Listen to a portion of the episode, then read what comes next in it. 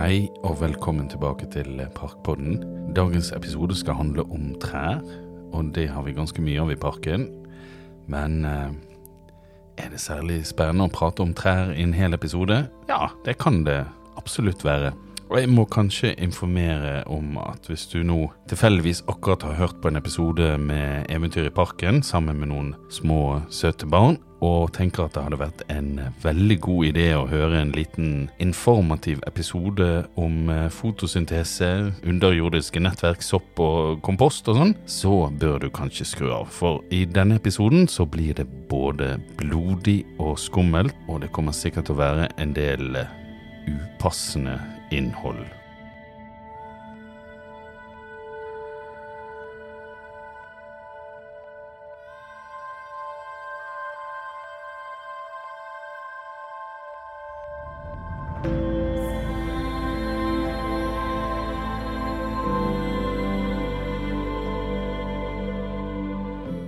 Trær er kanskje den planten som har blitt brukt mest som eh, symbol på alt mellom himmel og jord opp gjennom historien. Trærne symboliserer ofte gjenfødelse, evig liv og ikke minst eh, transformasjon mellom himmel og jord, de levendes verden og underverden. Og det kan jo vi forstå med tanke på all den transformasjonskraften som vi ser til det daglige. Trær kan jo forvandles til tømmer og så videre til hus og til møbler, dopapir, og trærne har gitt oss de første redskapene og varmet de første tærne ved bålet, der vi gjerne har tilberedt våre første kulinariske mesterstykker. De strekker seg eh, høyt til himmels og har røtter som forsvinner langt ned i jorden, sikkert helt ned til underverden. Og så blir de så sykt gamle. Mennesker har bodd i generasjon etter generasjon rundt de samme trærne, så det er kanskje ikke så rart at de har fått en nesten overnaturlig status blant menneskene opp gjennom tidene. Og det ser vi igjen i både religion, myter og i eventyr.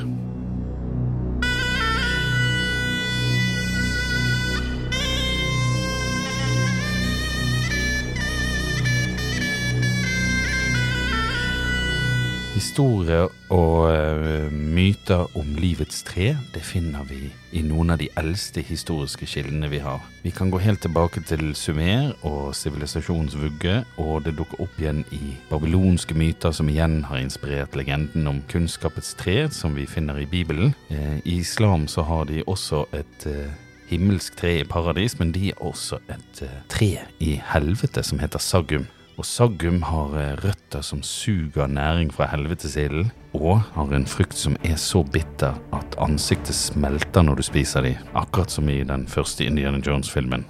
Vi har mange trær som binder sammen de ulike sfærene som vi har drømt opp gjennom historien, eh, som den mellom verden og underverden, men vi har også flere himmeltrær, hvor du enten kan eh, klatre helt opp til himmel, eller som fysisk holder selve himmelen oppe. I mange religioner symboliserer treet selve verdensånden, og vi har flere verdenstrær.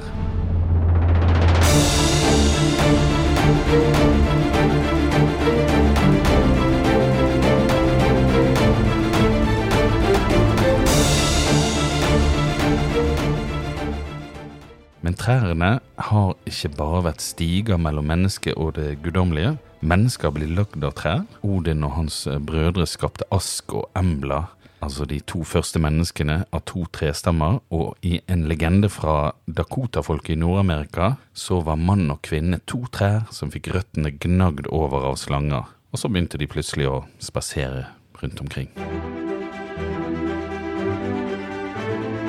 Trær har gitt liv til guder, som Adonis som ble født av et myrratre. Og noen guder, eller mystiske skikkelser, har måttet søke tilflukt og til og med bodd inni trær. Både greske gudinner og thailandske prinsesser har måttet gjemme seg i trær fra litt overivrige beilere som ikke har tatt hintet. Og i skogen i Thailand skal det ha eksistert nettopp et sånt tre som heter narifon. Det har frukter som ser ut som små miniatyrer av nakne kvinner, men hvis det nå skulle ha seg slik at du ikke klarer å kontrollere deg og prøver å befrukte en av fruktene, så blir du steril. Og hvis du tilfeldigvis skulle være en trollmann, så mister du også alle dine magiske krefter. Attis en gammel frygisk gud som etter hvert fikk innpass både i den greske og senere i den romerske religionen, har en historie som omfatter både trær og frukter. Ifølge en av de mange mytene om Attis så eh, var han sønn av demonen Agdistis, og denne demonen ble skapt av Sevs da han kom til skade for å søle en dråpe med sæd på fjellet med samme navn. Demonen hadde både kvinnelige og mannlige kjønnsdeler, noe som bekymret de olympiske gudene. Så de bestemte seg rett og slett for å kastrere han. Den mannlige utrustningen ble da kastet på bakken, og der de eh, havnet, slo de rot og vokste seg til et flott granatepletre. Elvenymfen Nana eh, kom sånn helt tilfeldigvis forbi en dag og spiste en av eh, granateplene, og da ble Nana gravid, og så senere føder hun halvguden Attis. Og videre, det som skjer med Attis, er at han som mange andre karakterer fra verdens legender, han blir satt ut og forlatt til seg sjøl, helt aleine i den ville naturen. Heldigvis så blir han funnet av en geit som tar han til seg og gir han geitemelk sånn at han klarer seg. Om det var geitemelken eller en eller annen form for diett, det er ikke sikkert, men Attis han eh, ble til en usedvanlig pen ung mann. Så vakker var han at demonen Agditis, som nå var blitt til gudinnen Kybele, ble stormforelsket i han. Men Attis han eh, ville ikke ha noe komplisert incestuøst forhold til eh, Kybele. Han var blitt forelsket i og hadde lyst til å gifte seg med en av de andre elvenymfene. Kybele ble rett og slett rasende av sjalusi, og hun lot ham bare ikke være i fred. Hun tok heller ikke hintet. Og hun ga seg ikke før Attis ble helt gal, og han endte med å kastrere seg sjøl under et pinjetre og døde. Og da angret Kybele, og hun ba Sevs om at Attis lik aldri skulle smuldre hen i forråtnelse, men oppstå igjen hver vår når naturen våknet til liv igjen. Og her ser vi tydelig hvordan naturens syklus blir innlemmet i forestillinger om død og oppstandelse. Hvert år mister trærne sine blodrøde og gulnede blader på bakken og blir stående igjen som skjeletter gjennom hele vinteren, for så å springe ut i grønne, friske skudd hver eneste vår. Så i antikken feiret de Attis tilbakekomst med en storstilt vårfest. Først ble et nyhugget pinnetre båret gjennom Romas gater til Magna Matas tempel på Palatinhøyden. Magna Mata, som betyr den store mor, er selvfølgelig Kybele. Etterfulgt av sørgeritualer, selvskading med både pisk og knivblader. En ganske blodig affære. Og det var under denne vårfesten at man hadde mulighet for å bli en del av presteskapet til Kubiel og Attiskulten. Eh, måtte bare kastrere deg sjøl først. Men etter mye blod og gørr våknet heldigvis Attis til liv igjen, gjennom vårens tilbakekomst.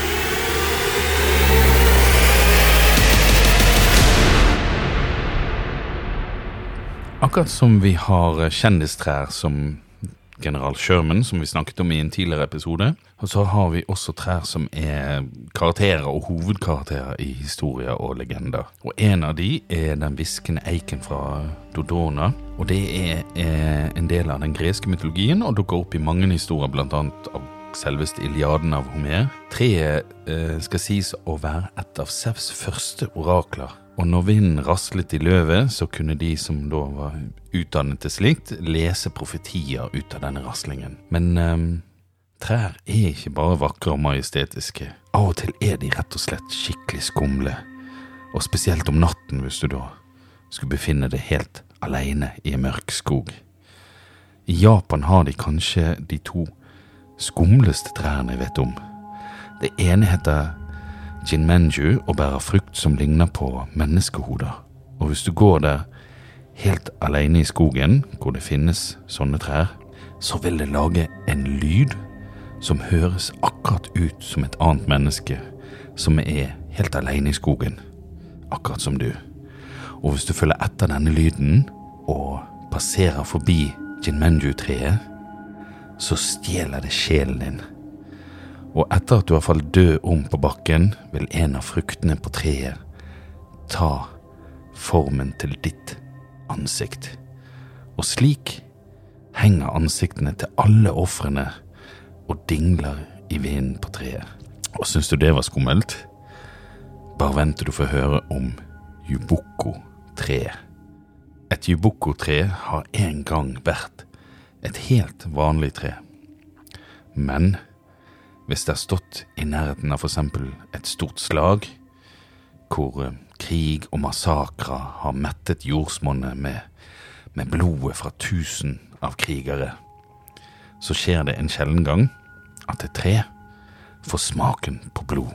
Og som sagt, så var det her en gang et helt vanlig tre, så det er helt umulig å skille disse trærne fra de andre, ikke før du står like ved og legger merke til alle de hvite knoklene som ligger halvt begravd ved foten av treet.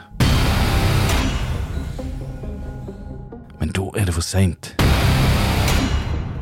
Da står du fornærmt, og yubuko-treet griper tak i deg, stikker tusenvis av små grener inn i deg og suger ut alt blodet fra kroppen din.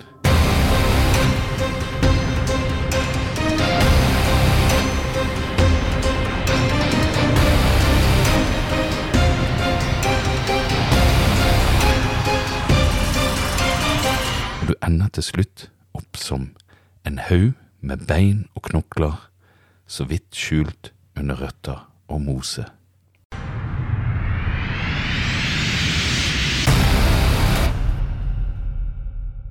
Huh, ok, kanskje vi bør runde av med noe bitte litt mer koselig, kanskje. Eh, for det er mange trær som mennesket søker til for å få hjelp og råd til alt mulig. Eh, og noen har til og med spesialisert seg litt på juss. Kalpatreet i India er et 1200 år gammelt morbærtre som har eh, veldig stor spirituell og historisk betydning for både hinduer, buddhister og sikher. Og det er et godt gammelt eh, ønsketre. Men i det siste så har det fått rykte på seg for å fungere ekstra godt hvis du f.eks. må møte i retten for å forsvare det, eller for å legge fram din sak. Så da er det lurt å be en liten bønn foran dette treet før en blir tauet inn, kanskje.